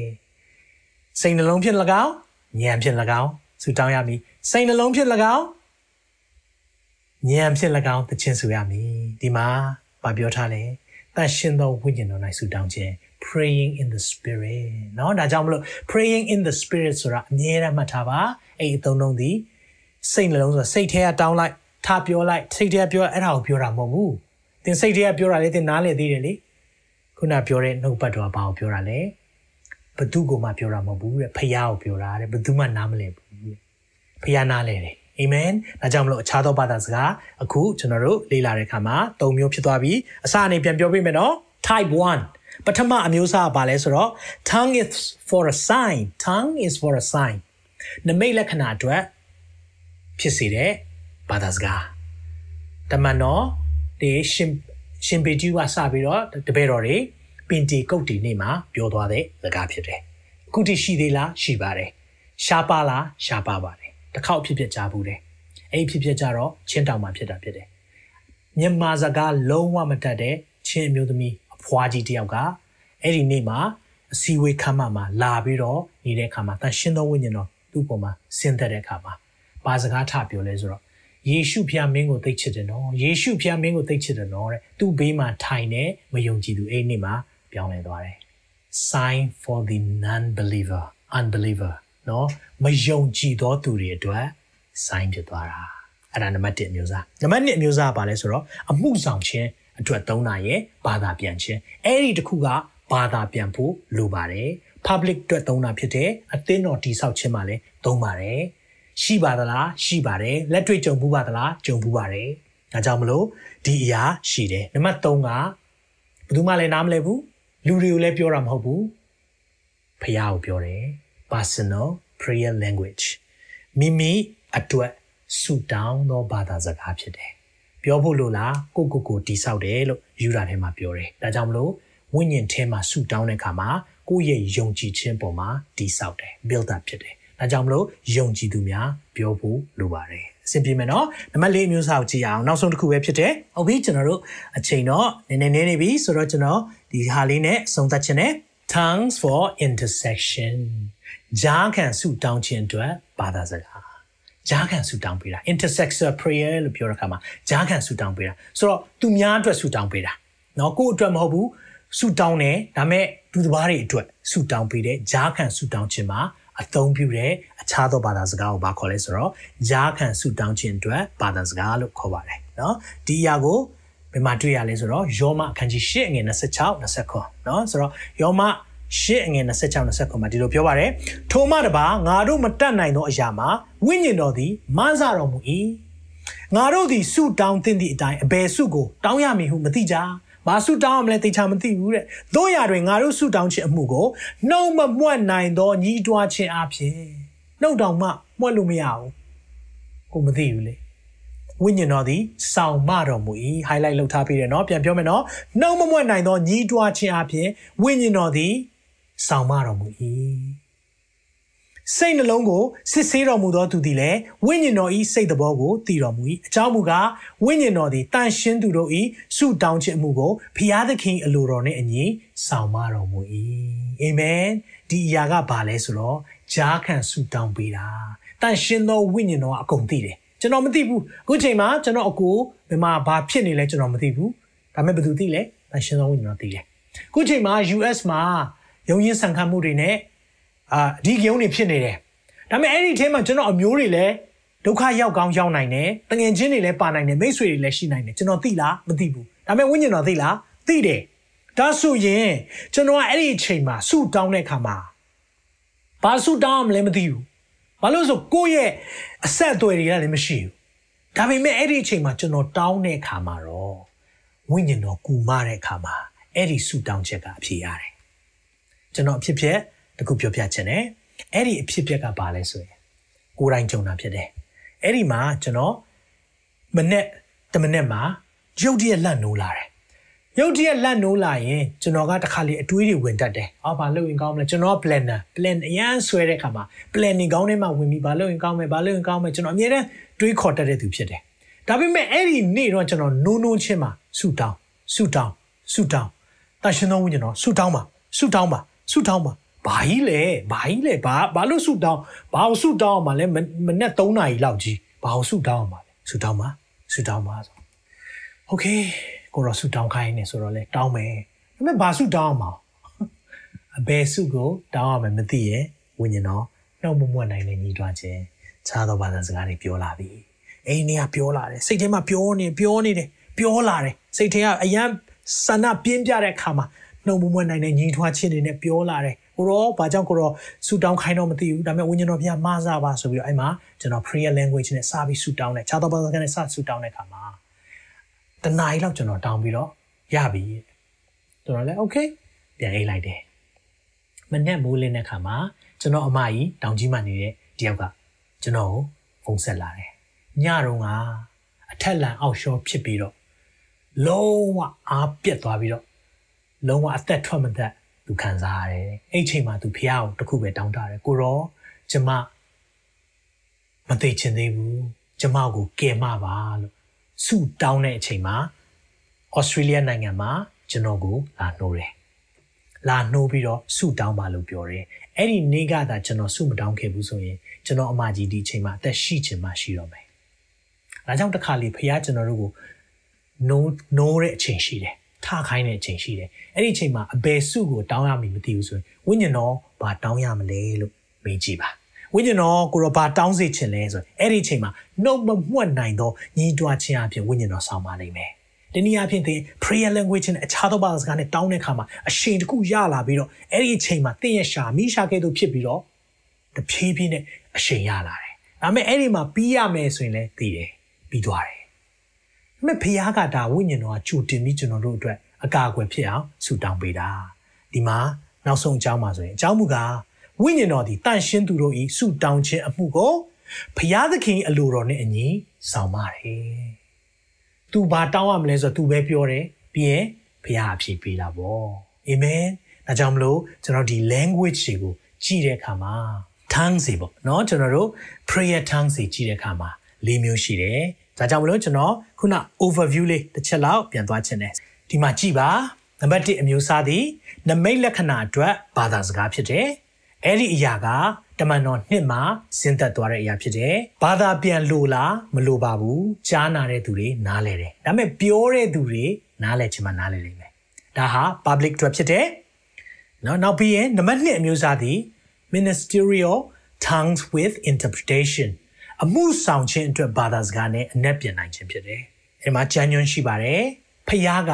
အိမ်တော်အတွက်နော်သူရဲ့အမှုတော်မြတ်အတွက် the body of Christ ဆိုတဲ့အသင်းတော်အတွက်ခွဲခန့်မှတ်သားထားတဲ့စုကျေးဇူးတရားတစ်ခုပါပါတယ်။ဒါပေမဲ့လူတိုင်းပြောပါသလားမပြောပါဘူး။လူတိုင်းအနက်ပြန်နိုင်သလားမပြန်နိုင်ပါဘူး။ထိုနည်း၎င်းပဲဒီအရာဒီကြားနာတဲ့သူအတွက်ဘာသာပြန်ဖို့လိုပါသလားဆိုရင်လိုပါတယ်။ကြားနာမှုတဲ့သူတွေဘာသာပြန်မှုမရှိရင် မပြောရတဲ့ဘာသာစကားတစ်ခုဖြစ်ပါတယ်။ဒါကြောင့်မလို့ဒါက public အတွက်ဖြစ်တယ်။ဖះကိုပြောတာမဟုတ်ဘူးလူတွေကိုပြောတာအများအတွက်သုံးတာဖြစ်တယ်။နံပါတ်3မျိုးစားကပါလဲဆိုရင်တော့ tongues for personal prayer language မိမိအတွက်ဆူတောင်းသောဘာသာစကားဖြစ်တယ်။အဲ့ဒါကပါလဲဆိုရင်ဘာသာစကားကအ내ပြန်ဖို့လိုသလားမလိုအပ်ပါဘူး။လူတွေနားလဲလားနားမလဲပါဘူး။နော်တစ်ကောစနစ်အငယ်14 နဲ့နှစ်မှာလည်းဖော်ပြထားတယ်ဒါဖျားသခင်အားပြောတဲ့အရာဖြစ်တယ် private ကိုအတွက်ဖြစ်တယ်အာမင်နောက်ပြီးရင်နောက်ဆုံးမျိုးစားသည်ဘာလဲဆိုရင် tongues for intercession ဂျားခံဆုတောင်းခြင်းအတွက်ဘာသာစကားဖြစ်တယ်နှုတ်မမွတ်နိုင်တဲ့ညီတွားခြင်းအပြင်ဝိညာဉ်တော်ဆောင်းပါတယ်ဘာသာပြန်ဖို့လိုပါသလားမလိုအပ်ပါဘူးဘု து ကိုပြောတာလဲဝိညာဉ်တော်မဆခြင်းဖြင့်ဘုရားသခင်အားပြောခြင်းဖြစ်တယ်ဒါကြောင့်မလို့ဘုရားနားလည်ပြီးသားဖြစ်တယ်ဒါဟာ public အတွက်လားမဟုတ်ပါဘူး private အတွက်ဖြစ်တယ်အာမင်ဒါကြောင့်မလို့ဒီအရာကိုနားလည်စေခြင်းနဲ့ဟုတ်ပြီဒါဆိုရင်ကျွန်တော်တို့ wrap up လုပ်ရအောင်ဒီနေ့အစီအစဉ်တွေအတွက် wrap up လုပ်ရအောင်ဘာသာစကားကွယ်ပြောက်သွားပြီလား no မကွယ်ပြောက်သေးပါဘူးဒါဆိုရင်တန်ရှင်သောဝိညာဉ်တော်နှစ်ချင်းရတဲ့သူတွေဘာသာစကားပြောလားပြောပါတယ်တမန်တော်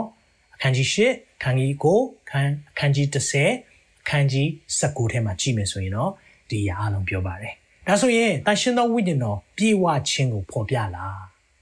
တချို့တွေဝိညာဉ်တော်နဲ့ပြေဝပြီးတော့ဘာသာစကားမပြောတဲ့သူလည်းရှိပါတယ်ကြုံဘူးပါတယ်ဆရာကြီးတွေကိုယ်တိုင်ကကိုတန်ရှင်သောဝိညာဉ်တော်ရှိပေမဲ့ဘာသာစကားဆုဂျေဇုမရတဲ့အတွက်မပြောတာလည်းရှိပါတယ်ဒါပေမဲ့သူတို့ ability ရှိလားပြောနိုင်စွမ်းကိုဖျားပေးထားလားပေးထားပါတယ်အဲဆိုသူတို့ဘာလို့မပြောနိုင်တာလဲဒါကတော့သူတို့အနေနဲ့ open up เนาะဒီအရာတွေအတွက်လက်ခံဖို့လိုသလိုဒီအရာတွေအတွက်လည်းသူကိုယ်တိုင်ကလိုလားတဲ့စိတ်ရှိဖို့လိုပါတယ်เนาะဒါကြောင့်မလို့ prayer language တွေကျွန်တော်တို့တွေသုံးဖို့လိုအပ်တယ်ဆိုတဲ့အကြောင်းကိုဒီနေ့တွေ့ရပါတယ်ဒါကြောင့်အပိတ်လေးကျွန်တော်ပြောချင်ပါတယ်ဝိညာဉ်တော်ဗတ္တိဇံခံတော်သူတိုင်းအမျိုးမျိုးသောဘာသာစကားကိုပြောလားပြောပါတယ်ပြောနိုင်တော့အခွင့် ability ရှိလား yes အားလုံးပြောကြသလား no မပြောကြပါဘူးဒါဆိုရင်ကျမ်းစာလေးဒါလေးနဲ့အဆုံးသတ်ခြင်းတယ် ရှင်ပေါလုပြောခဲ့တဲ့အရာပဲဖြစ်ပါတယ်အော်ဖို့မကောင်းလားတစ်ကောစနစ်တစ်ကောဆက်လေးကဝိညာဉ်စုဂျေစုနဲ့အဲဘာသာစကားတွေအကြောင်းပြောတယ်အဲ့ဒီနှစ်ခုကြားထဲမှာဘာအခန်းလဲဆိုတော့မေတ္တာဘာနဲ့တူလဲဆိုတော့လေကျွန်တော်တို့ကလေဟမ်ဘာဂါနဲ့တူတယ်ကြည့်ကြည့်လိုက်နော်ဂျားလေးထဲမှာကျတော့အသားလေးထည့်ထားတယ်အပေါ်မှာပေါင်မုတ်အောက်မှာပေါင်မုတ်ဟမ်ဘာဂါဒါမှမဟုတ်ဆန်ဝစ်အဲ့ဒါနဲ့သွားတူတယ် ဒါပေမဲ့တချို့ကြတော့ပေါင်မုတ်ကိုမစားချင်ဘူးဖယ်လိုက်တယ်အထဲကအသားဆိုတဲ့မြစ်တာပဲစားမယ်ဆိုပြီးလုပ်တဲ့လူလည်းရှိပါတယ်ဒါပေမဲ့အရသာပြေသွားတော့ရမှာမဟုတ်ဘူးဒါပေမဲ့တချို့ကလည်းစုကျေးဇူးတွေအဓိကဖြစ်တယ်ဘာသာစကားတွေအဓိကဖြစ်တယ်ဆိုပြီးတော့အပေါ်နဲ့အောက်ထားပြီးတော့အလဲကမြစ်တာတကယ်အသားကြီးကြတော့ဖယ်ပလိုက်တယ်ဆိုရင်တော့ပေါင်မုတ်ကြီးစားရင်လည်းအရသာမရှိပါဘူးကျွန်တော်တို့ဒီလိုမြင်ပါတယ်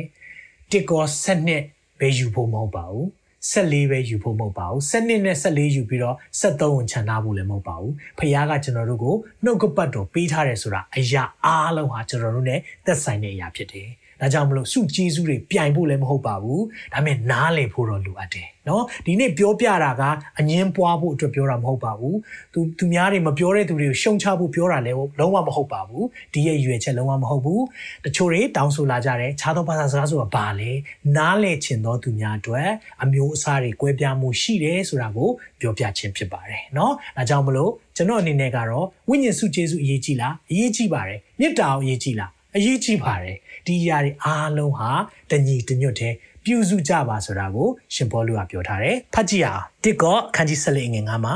သင်တို့ရှိသမျှသည်အခြားသောဘာသာစကားဖြင့်ပြောဆိုခြင်းကငါလိုရှိ၏အင်္ဂလိပ်လိုဆိုရင် I wish you all speak in tongues အားလုံးကိုတဲ့ငါခြားသောဘာသာစကားပြောစေခြင်းနဲ့ငါအားလုံးကိုခြားသောဘာသာစကားပြောစေခြင်းနဲ့ကျွန်တော်ထင်ပါတယ်ဒီအရာကတန်ရှင်သောဝိညာဉ်ကိုယ်တိုင်ရေးထားတဲ့အရာဖြစ်တယ်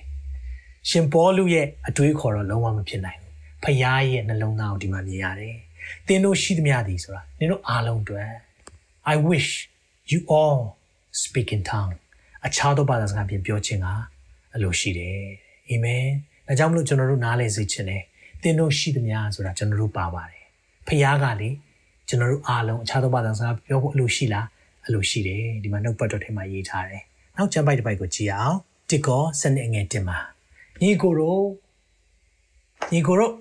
သင်တို့သည်ဝိညာဉ်စုဂျေစုအကြောင်းများကို မသိဘဲနေစေခြင်းကငါလုံးမရှိဒီဝိညာဉ်စုဂျေစုအကြောင်းတွေကိုမသိဘဲနေဖို့ရောအလိုရှိလားဆိုတော့ကျွန်တော်တို့ရဲ့ညီကိုကြီးရှင်ဘောလူဟာညီကိုတွေဒီအရာတွေကိုငါမသိဘဲလဲမဖြစ်စေချင်ဘူးအားလုံးကိုသိစေချင်တယ်ဒီနေ့ကျွန်တော်လဲရှင်ဘောလူကဲ့သို့ပဲတင့်ကိုလည်းအရန်သိစေချင်တယ် အရန်နားလေစေချင်တယ်ကျွန်တော်အတွက်ရှုပ်ထွေးခဲ့သော subject လည်းဖြစ်တယ်ကျွန်တော်အတွက်နှစ်ပေါင်းများစွာဒီအရာကိုနားမလည်ခဲ့သောအရာဖြစ်တယ်ဒါမဲ့တန်ရှင်သောဝိညာဉ်တော်ဖျားဟာတမန်တရားကိုအကျွမ်းမဲ့တွင်တင်ပြသတော်သူဖြစ်တဲ့အခါမှာနားလေရတဲ့အခွင့်ပေးတယ်အာမင်။ကြောင့်နောက်ဆုံးကျမ်းပိုက်လေးတစ်ပိုက်နဲ့ဆုံးသက်ခြင်းနဲ့ According to Orasa ပထမဆုံးအခန်းကြီး14 39နဲ့39ဒီအရာလေးပြောပြီးတော့တစ်ကော14ကိုဆုံးသက်ထားပါတယ်။ဒါကြောင့်မလို့ခုနပြောတဲ့ ဘာသာပြန်မရှိရင်မပြောရဆိုတဲ့ဟာလေးပဲမယူပါနဲ့။အောက်အထိဆက်ပတ်စေခြင်းနဲ့အဲ့ဒီကျမ်းပိုက်တစ်ကော14ကို14ထဲကသင်တစ်ခုခုယူထားရဲဆိုရင်အစဆုံးဖတ်ပေးပါ။ context context อ่ะ king เนาะဆိုတော့အကျိုးအကြောင်းဆက်ဆက်မှုတွေအရေးကြီးတယ်။ဘာကြောင့်ဘယ်ဟာပြောလဲဆိုတာကိုနားလည်ဖို့လိုတယ်။ဒါကြောင့်မလို့ကျွန်တော်တို့တစ်ကော14အငယ်39 39မှာဒီလိုပြောတယ်။ငါသည်သင်တို့အားရေး၍ပေးလိုက်သောစကားတို့သည်ဖျားသခင်ဤပြည့်ညက်ဖြစ်ကြောင်းကို prophet ဖြစ်တော်သူဝိညာဉ်စုဂျေစုကိုခံရသောသူမိဒီကဝန်ခံကြစေ။ဝန်ခံပါတဲ့။ဖျား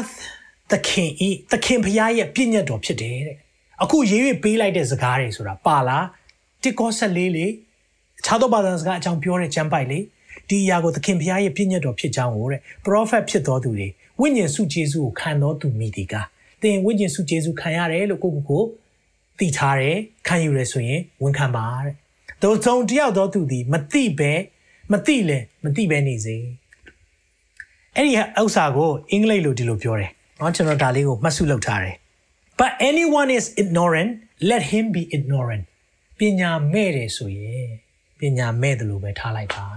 အဲ့လိုပြောတာတယောက်စုံတယောက်ကဒီအရာကိုမသိချင်ဘူးနားမလည်ချင်ဘူးပညာမဲ့တယ်ဆိုရင်လည်းပညာမဲ့တယ်လို့ပဲထားလိုက်ပါတဲ့ ရှင်ဘောလူပြောတာနော်ကျွန်တော်ပြောတာမဟုတ်ဘူးသုံတယောက်တော့သူဒီမတိပဲမတိလည်းမတိပဲနေစေမြန်မာလိုတော့မတိဘူးဆိုရင်လည်းမတိတလို့နေလိုက်အဲ့လိုပြောတာမဟုတ်ဘူးအကယ်၍ ignorant ignorance ဆိုစကားလုံးသုံးထားတယ် ignorance ဆိုတာဒီနိုင်ငံမှာသုံးရင်တော့နည်းနည်းရိုင်းတယ်။ဘာကြောင့်လဲလို့ပြောတဲ့အခါမှာနလဘိန်းတုံးလို့ပြောတာ ਨੇ တူတူပဲ။ပြောချင်တဲ့သဘောကအလောက်ထိအားရဆိုရင်လည်းထားလိုက်တော့လို့ပြောချင်တာ။အချုပ်ချစကားမူကညီကိုရောတင်းတို့ဒီ prophet ပြုခြင်းကအလိုအလိုရှိကြလော prophet ပြုဖို့လည်းအလိုရှိဘာကြောင့်လဲ prophet ပြုခြင်းကလူတွေကိုအရန်တိဆောက်တယ်လေအလိုရှိပါတဲ့ဒါဆို prophet ဒီမရှိတော့ဘူးလို့ပြောလို့ရလားဒီမှာပြောထားတဲ့ prophet ပြုခြင်းကအလိုရှိကြလောတဲ့အဲ့မှာ39မှာ highlight လုပ်ထားပါတယ်ဒီကွာဖတ်ကြည့်အောင်အခြားသောဘာသာစကားဖြင့်ဟောပြောခြင်းအမှုတို့ကိုလည်းမမြစ်တာကြနဲ့မတားပါနဲ့ခြားသောဘာသာစကားပြောမယ်ဆိုရင်လည်းမတားပါနဲ့နော်တဲ့သူအဲ့လိုပြောထားတာနော်အငယ်40မှာဒီအချက်ကိုတော့အရေးကြီးတယ်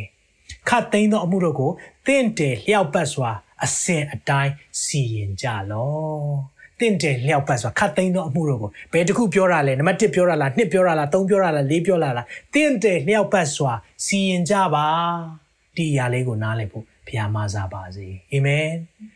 ဟာလေလုယာဝေါကျွန်တော်ဒီအကြောင်းကိုပြောဖို့အရန်လဲဒီနေ့မှာအမှန်တိုင်းပြောရမယ်ဆိုရင်မလွယ်ပါဘူးဒီနှုတ်ကပတ်တော်ဒီလေးနဲ့တဲ့အရာဖြစ်သလို နားလည်နိုင်တဲ့သူလည်းအာတော်တော်လေးရှားပါတယ်ဒါကြောင့်မလို့ဖခင်ရဲ့အသက်ရှင်သောဝိညာဉ်တော်ကပဲသင်ကိုနားလည်ဖို့မဆာပါစေဒီအကြောင်းတွေမပြောဘူးဆိုရင်လည်းဝိညာဉ်တော်အကြောင်းပြောတဲ့အခါမှာမပြည့်စုံပါဘူးဝိညာဉ်တော်ရဲ့စုကျေးဇူးအကြောင်းကပြောဖို့လိုပါတယ်ဒါကြောင့်မလို့သင်အခြားသောဘာသာစကားပြောဖို့လိုသလားဆိုလိုပါတယ်ဒါဆိုရင်မိခွန်ကကျွန်တော်ကျမအခြားသောဘာသာစကားကိုဘယ်လိုပြောမှလဲဘယ်မှာသင်လို့ရလဲ လုံးဝသင်လို့မရပါဘူးသင်ပေးတဲ့ဆရာတွေလာရင်လည်းလက်မခံပါနဲ့လုံးဝသင်လို့မရပါဘူးဒီအရာကဖခင်ရဲ့တန်ရှင်းသောဝိညာဉ်တော်ဆုဆုဂျေစုဖြစ်တဲ့အတွက်သူပေးတဲ့အခါမှာရပါလိမ့်မယ်တချို့တွေနှစ်ပေါင်းများစွာကြာလာကြာပါတယ်ကျွန်တော်တချို့သက်သေခံချက်ကိုကြားတဲ့အခါမှာတချို့တွေစုကျေးဇူးလိုချင်ပြီးဆုတောင်းတဲ့အခါမှာအယံကိုဆုတောင်းတာ9နှစ်နေမှရတဲ့လူလည်းရှိပါတယ်။ဘဘာကြောင့်လဲကျွန်တော်မသိဘူး တန်ရှင်သောဝိညာဉ်တော်ဟာသူ့ဂျေဇုတွေကိုသူ့အလိုရှိတဲ့အတိုင်းပေးတယ်ဆိုတော့ဝိညာဉ်တော်ပဲနားလဲပါလိမ့်မယ်တချို့တွေမရပဲရှိတဲ့လူရှိလားရှိပါတယ်ဒါပေမဲ့ကျွန်တော်ယုံကြည်တယ်ဝိညာဉ်မြစ်စည်းနေတဲ့အခါမှာသင်ကအဲ့ဒီထဲကိုတော့ခုံချဖို့လိုတယ်တနည်းအားဖြင့်ကိုယ့်ရဲ့ဆန္ဒပြင်းပြစွာနဲ့ဆိုဆွတ်ခြင်းနဲ့စိတ်ရှိဖို့လိုတယ်ဝိညာဉ်ရေစီးကြောင်းထဲမှာကိုမျောပါသွားဖို့လိုတယ်ကမ်းပေါ်မှာကြည်နေပြီးတော့သူများစီးသွားတာတွေကိုပဲလိုက်ပြီးတော့ဝေဖန်ဖို့မဟုတ်ပါဘူးသ င်ကိုယ်တိုင်ဝိညာဉ်မြစ်ထဲမှာစီးဆင်းတော်သူဖြစ်စေပါဝိညာဉ်တော်ကာလဖြစ်တယ်ဒီနှုတ်ကပတ်တော်သင်ကြားတဲ့အခါမှာအရင်တုန်းကတိထားဘူးသင်ထားဘူးကြားထားဘူးတာ ਨੇ ဆန့်ကျင်ဘက်ဖြစ်ကောင်းဖြစ်နေလိမ့်မယ်ဒါပေမဲ့ကျွန်တော်ဒီနေ့ပြောသွားတာ personal opinion တခုမှမပါပါဘူးအသက်ရှင်သောသာရဖျားရဲ့နှုတ်ကပတ်တော်ဖွင့်ပြတဲ့အတိုင်းပဲအထောက်အထားနဲ့ပြောသွားတာဖြစ်တယ်။အဲကြောင့်မလို့ပြန်ပြောရမယ်ဆိုရင်ခြားသောဘာသာစကားအမျိုးအစား၄မျိုးရှိပါတယ်။ဘယ်တစ်ခုဘယ်တစ်ခုပြောမယ်ဆိုပြီးပြောလို့မရပါဘူး။ ဒီအရာက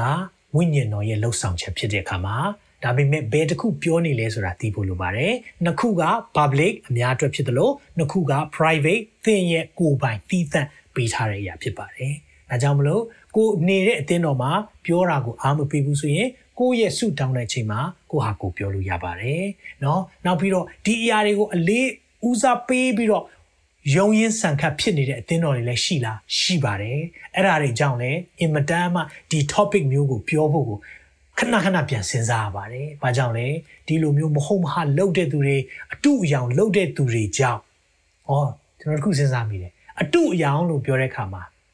ပစ္စည်းတစ်ခုအတုရှိတယ်ဆိုရင်ဘာရှိလို့လဲအစစ်ရှိလို့ဟုတ်တယ်နော်အတုဘယ်သူမှမထုတ်ဘူးအစစ်မရှိရင်အကယ်၍ပစ္စည်းတစ်ခုကိုကင်ကြည့်တဲ့အခါမှာသူက quality မကောင်းဆိုကျွန်တော်တို့ဘာပြောလဲအဲ့ပစ္စည်းမဝယ်နဲ့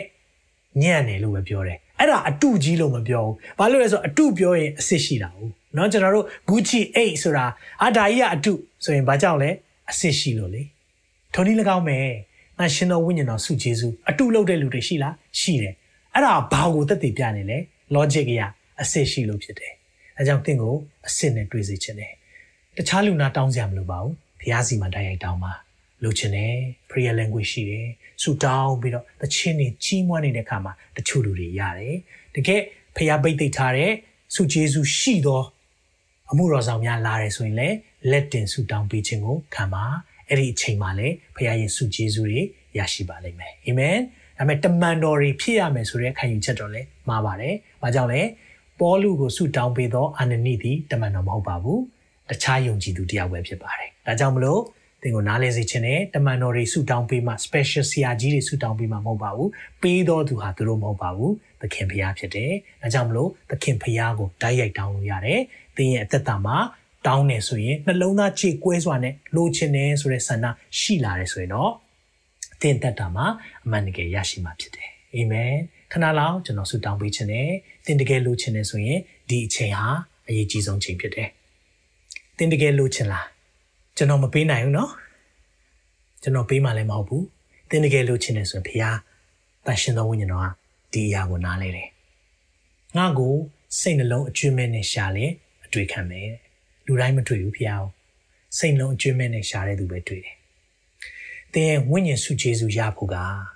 အရေးကြီးဆုံးဖြစ်တဲ့ခရစ်တော်ကိုကယ်တင်ပိုင်ရှင်နဲ့အရှင်သခင်ဖြစ်လက်ခံဖို့လိုတယ်။အဲ့ဒီရဲ့အဆင့်မပြီးသေးဘဲနဲ့တော့ခုနပြောတဲ့ ခြားသောဘာသာစကားတွေဝိညာဉ်စုကျေစုတွေမရပါဘူး။နတ်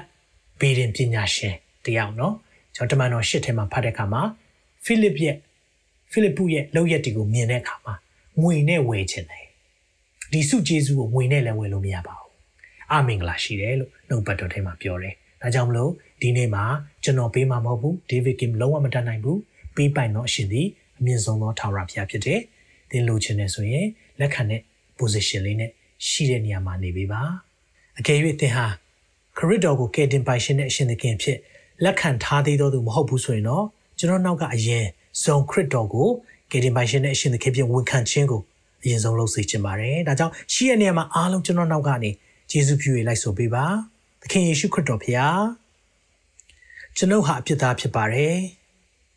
အပြစ်ကြောင့်ငရဲကိုသွားတင်တော်သူပါသို့ပေမဲ့လည်း ဖခမဲတော်ရဲ့မြတ်တာကြောင့်သားတော်ယေရှုအားဖြင့်လဝါးကားတိုင်းပေါ်မှာကျွန်ုပ်ပြစ်ကြွေအလုံးအတွက်ဆက်ပေးခဲ့လို့ယေရှုတင်ပါတယ်ဒီနေ့မှာအပြစ်အလုံးအတွက်ဝင်ချတောင်းပန်ပါတယ်နောင်တရပါတယ်ခွင့်လွတ်ပေးပါသခင်ယေရှုဖျားကျွန်တော်နှလုံးသားထဲမှာဝင်ရောက်ဖို့ရန်အတွက်ဖိတ်ခေါ်ပါတယ်ယေရှုရဲ့မြတ်သောနာမ၌ဆုတောင်းပါ၏အာမင် ကျွန်တော်တစ်ဆက်ထဲမှာပဲတန်ရှင်တော်ဝိညာဉ်တော်နှစ်ချင်းဖြစ်တဲ့မရိဇန်အတွက်လည်းဆုတောင်းပေးခြင်းနဲ့သင်ကိုယ်ခန္ဓာမှာတခုခုခံစားကောင်းခံစားနိုင်တယ်မခံစားရဘူးဆိုရင်လည်းစိတ်မပြတ်ပါနဲ့ဖျားပေးတဲ့အချိန်မှာသင်ရနိုင်မယ်ဖះဟာ formula နဲ့သွားလို့မရပါဘူး။ဒါကြောင့်မလို့ဘောင်ခတ်လို့မရဘူး။ဖះရဲ့တန်ရှင်းသောဝိညာဉ်တော်ဖះအလုံးလုံးတဲ့အချိန်မှာသင်ရပါလိမ့်မယ်။ဒါမဲ့သင်လုံးသားဖွင့်ထားပါလိုချင်တယ်ဒီအရာကိုမီးစမ်းကြည့်ချင်တယ်တကယ်ကိုသူများရှိတယ်လို့ ရှိချင်တယ်ဆိုရင်သင်ကိုဖះဒီနေ့မှာပေးချင်ပါတယ်။ဆုတောင်းပေးချင်ပါတယ်ကျွန်တော်နောက်ပဲလိုက်ဆိုပေးပါ။သခင်ယေရှုဖះတန်ရှင်းသောဝိညာဉ်တော်အားဖြင့်ကျွန်ုပ်အားဗတ္တိဇံပေးပါ။ဒီနေ့ညဟောပြောခဲ့တော့အခြားသောဘာသာစကားအားအကြောင်းကိုနားလည်စေလို့ယေရှုတင်တယ်ဒီအရာသည်ဝိညာဉ်စုယေရှုဖြစ်တော်ကြောင့်ကိုရောထံကို တောင်းခံလိုပါသည် ကျွန်ုပ်နှလုံးသားထဲမှာကိုရောမေတ္တာနဲ့ဖြည့်ပေးပါထိုနည်းတူပဲကိုရောထံမှလာတော့စုယေရှုတကူကိုလည်းရရှိချင်ပါတယ်အမျိုးမျိုးသောဘာသာစကားဖြင့်သချင်းဆိုချင်ပါတယ်အမျိုးမျိုးသောဘာသာစကားဖြင့်ဆုတောင်းချင်ပါတယ်ရှင်ပေါလုကြီးကဲ့သို့မျိုးမျိုးသောဘာသာစကားအကြောင်းကို တာ၍နည်းနည်းစွာ နားလဲချင်ပါတယ်သခင်ယေရှုဖျားမဆာတော်မူပါဟာလေလုယာသရှင်တော်ဝိညာဉ်တော်ဖျားဒီနေ့ online မှာကြည့်နေတဲ့သူများအားလုံးပေါ်မှာကိုရောကိုရောမြတ်တာသွန်လောင်းပေးပါကိုရောရှိချောင်းကိုထင်ရှားစွာပြပေးပါ Lord we humbly ask that you will manifest to them right now in Jesus name receive the holy spirit right now receive the holy spirit right now receive the holy spirit right now touch everyone that watching this broadcasting right now, Lord. We cannot do anything without you, Lord. Holy Spirit of God, you are the only spirit that can operate in our lives. And right now, touch. Touch right now, Lord. ကိုရောကိုရောရဲ့အခွင့်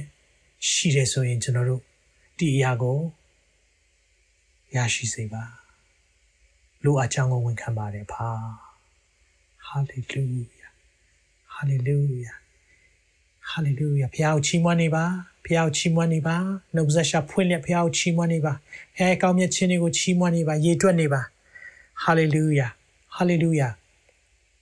ရေတွက်နေပါမရှက်ပါနဲ့မိတ်ဆွေကိုယ့်ရဲ့မိသားစုနဲ့ရှိနေတယ်ဆိုရင်လည်းမိသားစုအလိုက်ကိုချီးမွမ်းနေပါတင်အိမ်အခန်းမှာရှိနေလားတင်အိမ်ခန်းထဲမှာရှိနေလားတင်အိမ်ရဘေးနားမှာပဲတင်ဒူးထောင်နေလားဖះတင်ကိုတွေ့တယ်ဖះတင်ကိုတွေ့တယ်ဖခင်တင်ကိုသိချစ်တယ်။ဒါကြောင့်မို့အခုချိန်မှာဒီနေ့ဖခင်ရဲ့တန်ရှင်သောဝိညာဉ်တော်ဖခင်ရဲ့ပိတ်သိခြင်းတွန်းလောင်းခြင်းနဲ့သင်လိုခြင်းနဲ့သင်ဆန္ဒရှိတယ်ဆိုသင်ပုံမှာတွန်းလောင်းခြင်းနဲ့ ဟာလေလုယာဟာရမရှိရတာပါဟာလေလုယာဟာလေလုယာကိုရောမှုတဲ့ကိုပြုပါခြေဆုတင်နေပါကိုရောရဲ့မြတ်တာကိုရောရဲ့အတူရှိခြင်းကိုကိုရောသားသမီးများဒီနေ့မှာလက်တွေ့ခံစားစေပါကိုရောသည်သူတို့နဲ့အတူရှိတယ်ငါသည်သင်တို့နဲ့အတူကပ်ကပါကုံသည့်အတိုင်းအစဉ်မြဲရှိမယ်ဆိုတဲ့ဂတိပေးတယ်ဖေဟာဒီနေ့ညမှာလည်းအတူရှိကြောင်းကိုထင်ရှားစွာပြပေးပါ ငါကိုချစ်တော်သူကိုငါချစ်တယ်ထိုသူအားငါသည်ကိုယ်တိုင်ထင်ရှားမယ်လို့ကိုရောပြောတဲ့နှုတ်ပတ်တော်ကိုဒီနေ့မှာလက်တွေ့ခံစားစေပါအဲကြောင့် online မှာကြည့်ရှုတဲ့သားသမီးအကြီးဆုံးမှအငယ်ဆုံးတိုင်ယေရှုနာမနဲ့ကောင်းချီးပေးတယ်ဒီနှုတ်ပတ်တော်များကိုသူတို့နားလည်စေပါတန်ရှင်းသောဝိညာဉ်တော်ဖြတ်ဒီအရာများကိုကြည်ညက်ဖို့ရန်အတွက်သူတို့ကိုဆက်လက်ရထပ်မှန်ဖွင့်ပြပါတာ၍နားလည်စေပါသူတို့ဒီနေ့မှာရှိနေတဲ့အခါမှာကိုရောရဲ့အကြောင်းကိုရောရဲ့ဝိညာဉ်တော်အကြောင်းကိုပို့ပြီးသိတဲ့အခါမှာဒီနေ့ကျွန်တော်တို့ရဲ့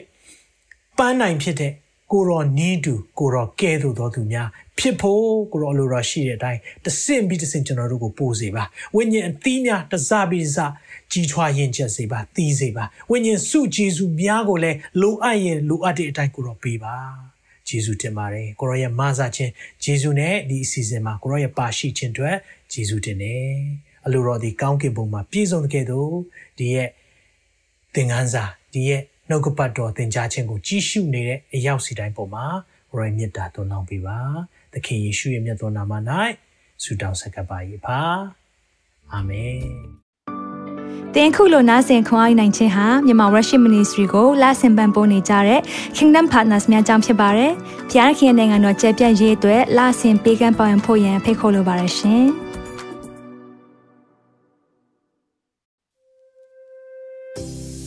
ခုကြားနာခဲ့ရတဲ့နှုတ်ပတ်တော်အဖြစ်ခွန်အားရရှိမဲ့လို့ယုံကြည်မျှော်လင့်ပါတယ်။ခွန်အားရဆိုလို့ရှိရင်ဒီတစ်ပတ်နဲ့ပြန်လည်ဝေမျှပေးဖို့ရန်တောင်းဆိုပါရစေ။မြန်မာ Worship Ministry ရဲ့ website myanmarworship.com ကိုလည်းလာရောက်လေ့လာဖို့ရန်တွဲဖိတ်ခေါ်ချင်ပါတယ်။တချိန်ထဲမှာမြန်မာ Worship Ministry ရဲ့ social media platform များဖြစ်တဲ့မြန်မာ Worship YouTube Channel, မြန်မာ Worship Facebook Page နဲ့မြန်မာ Worship Instagram များကိုလည်းလာရောက်လေ့လာဖို့ရန်တွဲဖိတ်ခေါ်ချင်ပါတယ်။နောက်တစ်ချိန်မှာပြန်လည်ဆုံတွေ့ကြပါစို့။ဖျားရှင်ကောင်းကြီးပေးပါစေ။